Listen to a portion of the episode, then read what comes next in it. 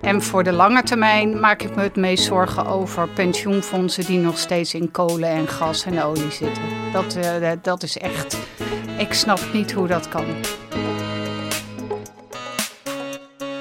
Welkom bij Money Matters, een podcast van Social Finance NL waarin geld en impact centraal staan.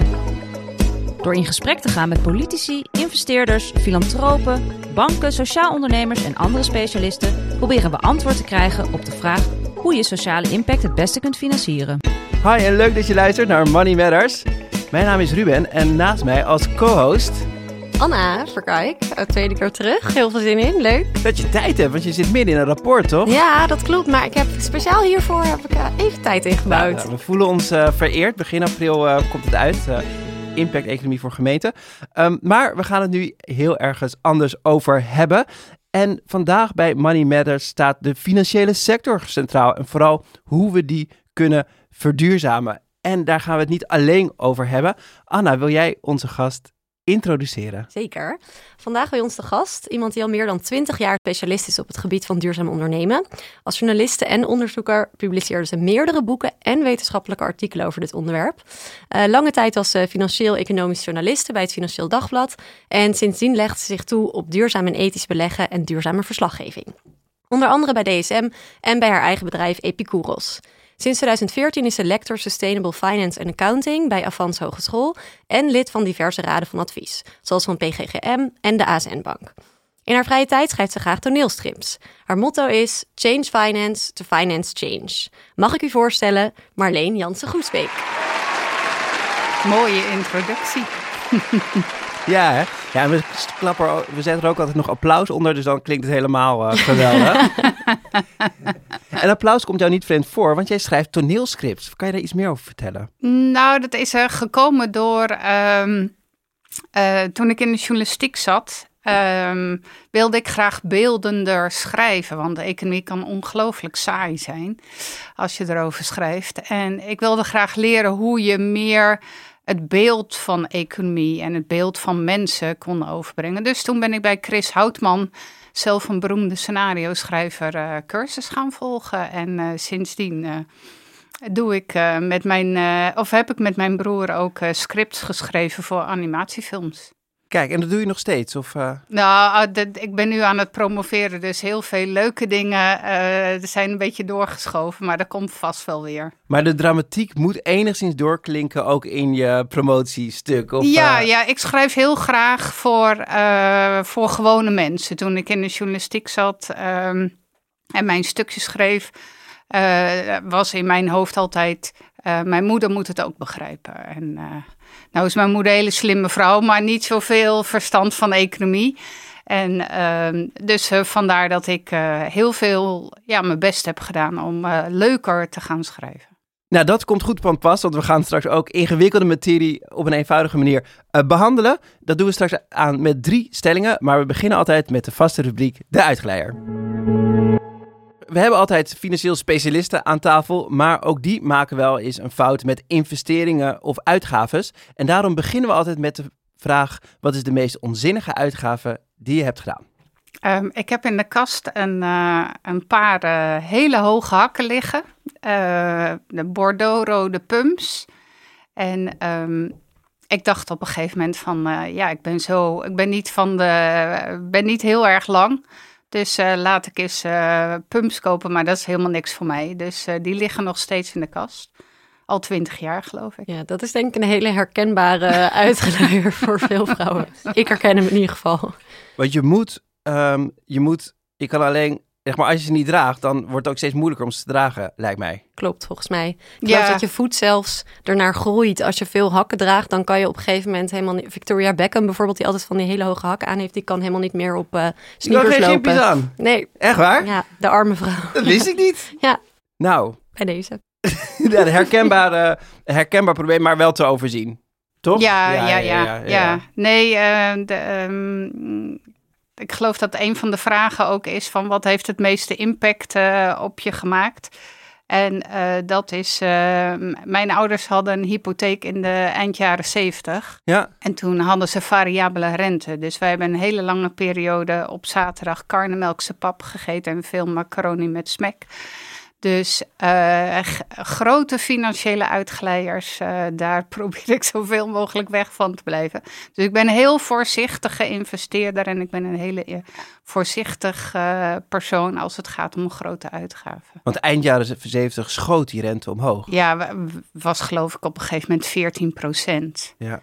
En uh, als je een gezin hebt met uh, drie jonge kinderen, die uh, met twee. Ik, had, ik heb twee broers die toen ook heel erg snel groeiden. Dus ja, de, het geld ging er sneller uit dan, dan dat erin kwam. En mijn moeder werd heel erg creatief met heel weinig geld rondkomen. Maar het heeft wel heel veel indruk op mij gemaakt dat als je niet zo goed in de gaten of niet in controle bent over, over je uitgaven en daar word ik heel erg zenuwachtig van. Dus Ja. ik geef, eh, ik doe, ik geef geen geld uit aan eh, hele grote gekke dingen. En dat is ook een van de redenen dat je de financiële sector zo, zo op de voet volgt nu en daar onderzoek naar doet. Of Ja, denk het wel. Ik heb er eigenlijk nooit zo over nagedacht van eh, hoe, waarom ik eigenlijk de financiële sector zo, zo spannend vind. Maar ik weet wel dat ik jaren geleden, toen ik 16 was, besloot om economie te gaan studeren, omdat ik het zo'n gekke wetenschap vond. Ja, Omdat ze, eh, de- er werd net gedaan alsof er een soort natuurkundige economische wetten waren waar mensen zich allemaal aan eh, hielden en eh, naar gedroegen. Maar ja, als ik naar de buitenwereld keek, dan waren mensen allemaal een beetje irrationeel en helemaal niet de homo economicus die ik kreeg als bij mijn economielessen. Dus toen dacht ik van nou, ik moet dat toch maar eens verder gaan uitzoeken hoe dat zit. En zo ben ik economie gaan studeren. En, eh, en toen ik eenmaal economie studeerde, toen werd ik wel gefascineerd ja, naar de grote rol eh, van de financiële sector in de economie. ja, nee, snap ik. Hey, want ja, ik, ik dacht daar laatst toevallig over na, want je hebt nu ehm, een hypotheek kan je krijgen op je inkomen en er wordt precies door Nibud berekend van hoeveel je dan eh, kan aflossen en, en hoeveel je dan over hebt voor je andere uitgaves. Ehm, maar je kan eh 20 jaar vastzetten, maar als je variabel hebt, kan je net zoveel lenen. Dus als, eigenlijk kan nu precies hetzelfde gebeuren, toch? Wa- waarom maar kan je net zoveel lenen als je het vastzet dan variabel? Want dat laatste is, dat kan alle kanten op. Ja, maar ja, als mensen slim zijn, dan zetten ze op dit moment de rente vast. Want eh, hij, hij staat nu zo laag dat hij alleen maar omhoog kan. Dus zo moet je wel redeneren als je nu een eh, rente neemt van, eh, die variabel is met het idee van nou dan bespaar ik 1% of, eh, of een half procent. Ja, dat zou ik niet doen. En vind je dan ook dat er een rol is voor bijvoorbeeld de hypotheekverstrekker om de, ja, de consument te beschermen, zeg maar bij. Dus stel iemand zegt nu van, eh, nou, ik wil toch graag die variabele rente. Moet, moet, moet dat eigenlijk wel kunnen? Bijvoorbeeld, eh, ik heb net een energiecontract afgesloten. Ik ben net verhuisd. Ja. En ik eh, kon niet een vast contract afsluiten. Omdat de energiemaatschappij Mm. echt zei... dat is nu zo ongunstig, dat, dat mogen k- nieuwe klanten niet. Ja, nou dat vind ik heel terecht. Ja, Ja, want, eh, want eh, die energiemaatschappijen realiseren zich ook dat als jij nu een vast contract afsluit voor twee jaar of voor drie jaar, dat jij over twee jaar toch wel eh, op hele hoge kosten zit, terwijl de rest van de mensen met variabel tarieven weer op lagere tarieven zit. ja. Ja, nee, vind ik heel netjes van ze. Dat, eh, dat eh, zouden meer hypotheekadviseurs moeten doen. Want ik heb toen ik mijn eerste hypotheek afsloot heel erg slecht advies gehad. En daar kwam ik eigenlijk pas achter toen ik me eh, jaren, eh, jaren later ging verdiepen in, eh, in hoe de markt van hypotheken in elkaar zat. Dus, dus ik ben blij dat ik geen hypotheek meer heb. Dankjewel voor je inzicht en we gaan snel door naar de volgende rubriek. In deze podcast zijn we op zoek naar antwoorden op de vraag hoe je sociale impact het beste kan financieren. En vandaag zoomen we in op de financiële sector en de duurzaamheid binnen de financiële sector. En daarvoor hebben we een aantal stellingen. En de eerste stelling luidt: De financiële sector is de sleutel naar een duurzaam bedrijfsleven. Daar kan ik alleen maar volmondig ja op zeggen. Dat eh, eh, bedrijven eh, doen alleen maar dingen die eh, eh, geldgerelateerd zijn. Hoe hard ze ook roepen, hoe duurzaam ze zijn. Als de rekeningen niet betaald worden, als de uh, salarissen niet betaald kunnen worden, dan houdt het gewoon op. Dus uh, het is heel erg um, leuk om te zeggen van bedrijven moeten sociale ondernemingen mm -hmm. worden. Maar uiteindelijk komt het er toch op neer dat als je een bedrijf bent, dat je in ieder geval winst moet maken als je wil doorgroeien of als je leuke dingen wil doen met je bedrijf. En um, ja, uh, om een bedrijf te kunnen starten heb je heel vaak investeerders nodig. De meeste mensen hebben niet uh, duizenden euro's uh, op de plank liggen om, om een eigen bedrijf te starten. Um, dus je hebt investeerders of banken nodig. En de financiële sector moet eigenlijk uh, net zoals bij jouw energiecontract zeggen van wij investeren eigenlijk alleen maar in bedrijven die goede dingen doen voor de wereld. De EU vindt hetzelfde volgens mij. En je hebt daarbij het EU Sustainable Finance Framework. En dat is een, ik heb er een beetje in verdiend, maar ik, uh, het werkt voor mij heel veel. Maar op welke manier zet de EU zich in om uh, de financiële sector als sleutel in te zetten om de, de wereld te verduurzamen. Wat, wat doen ze precies? Nou, de, de, de, Frans Timmermans heeft de Europese Green Deal bedacht. Ja. Dus die wil heel graag dat de Europese economie, alle Europese landen die lid zijn van de Europese Unie, een duurzame economie krijgen. En wat is dan een duurzame economie? Rechtvaardig, uh, circulair, groen. Hè, dat moeten we een beetje verstaan onder een duurzame uh, economie. Daar zijn allemaal plannen onder gehangen. En uh, wat, je, wat je krijgt is dat um, de EU zegt tegen financiële uh, instellingen van jullie zijn de politieagent, jullie moeten in de gaten houden of bedrijven ook werkelijk in de duurzame dingen investeren. En um, jullie mogen best investeren in bedrijven die niet zo groen zijn.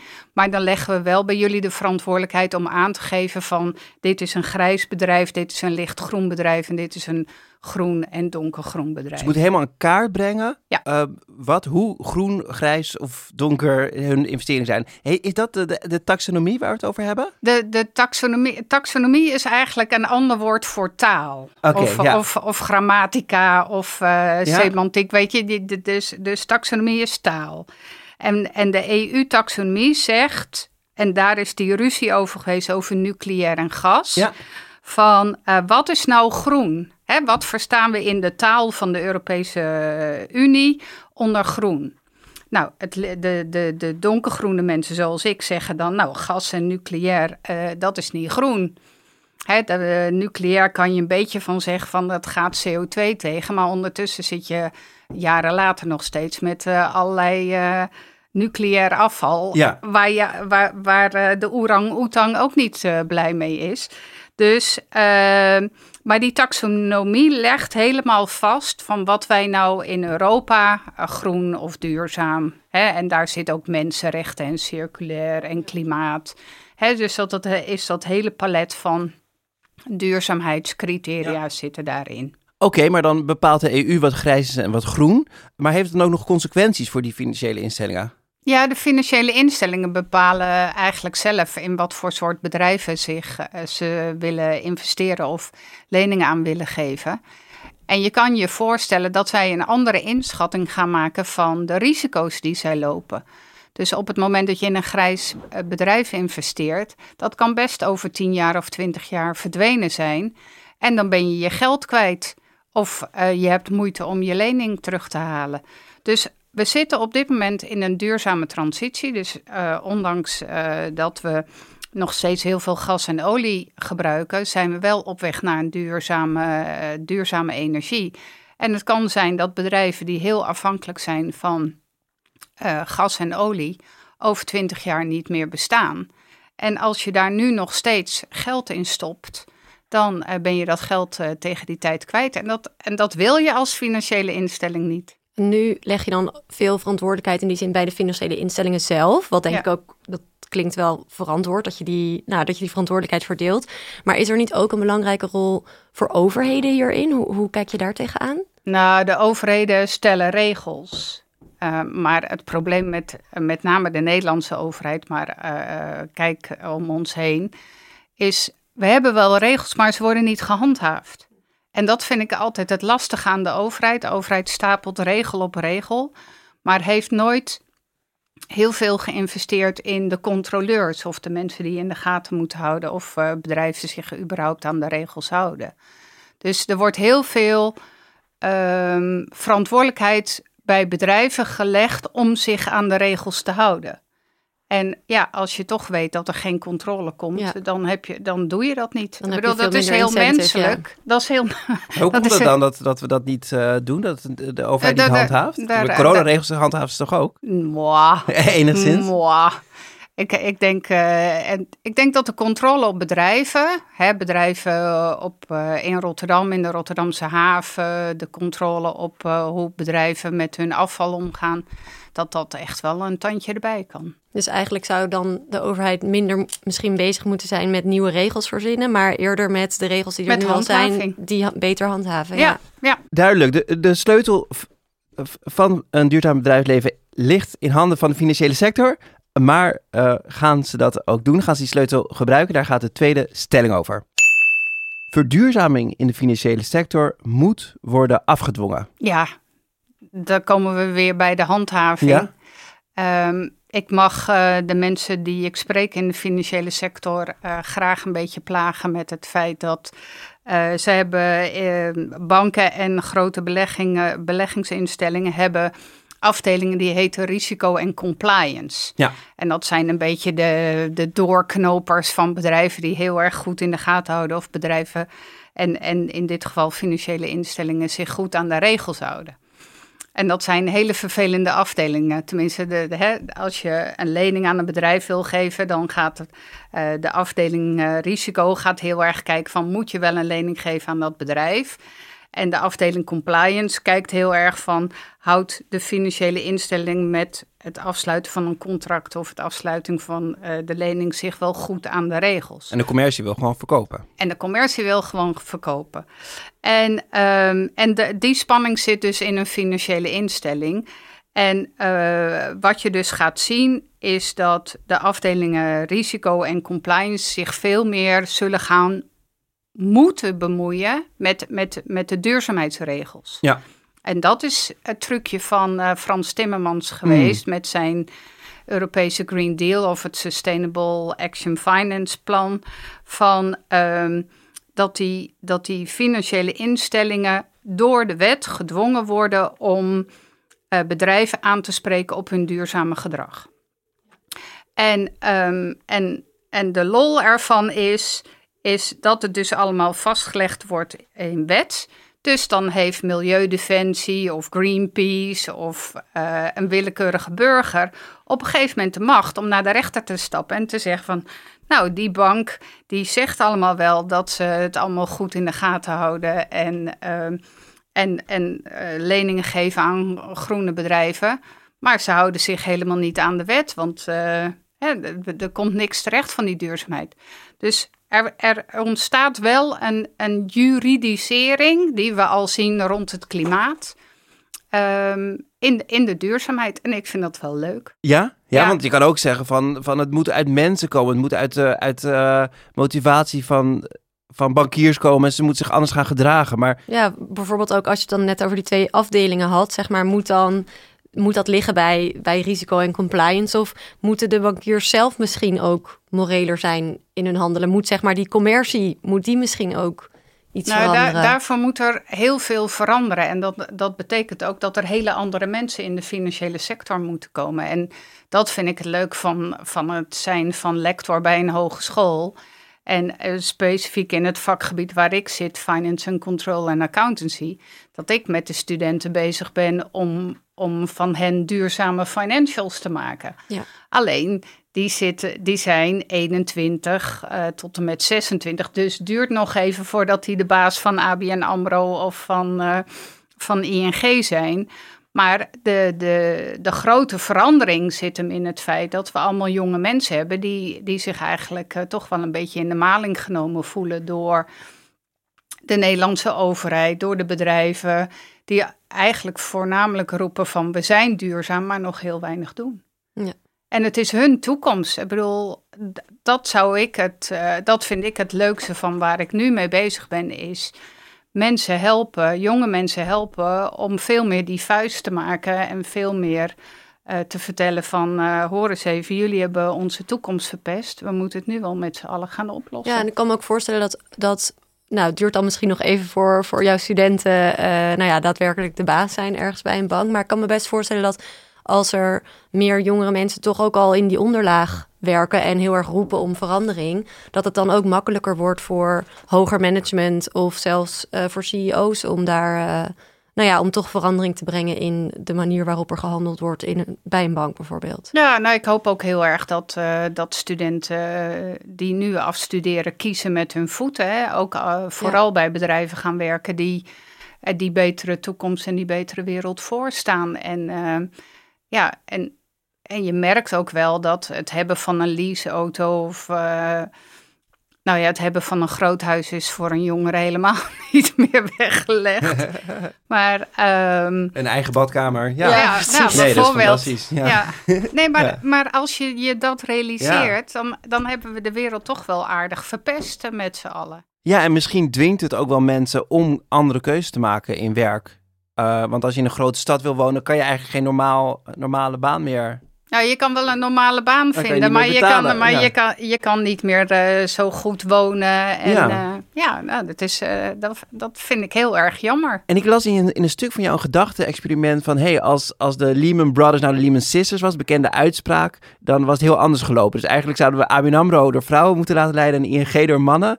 En dan moeten we kijken wat eruit komt. Nou, de, de, de, mensen zeggen altijd van, hoe weet je dat nou eigenlijk? Nou, wat we weten van de financiële sector is dat als vrouwen risicovolle beslissingen moeten nemen, dat ze net ietsje minder risico nemen. Mm -hmm. Dat ze net even wat uh, verder kijken dan uh, een hele snelle afweging tussen risico en rendement.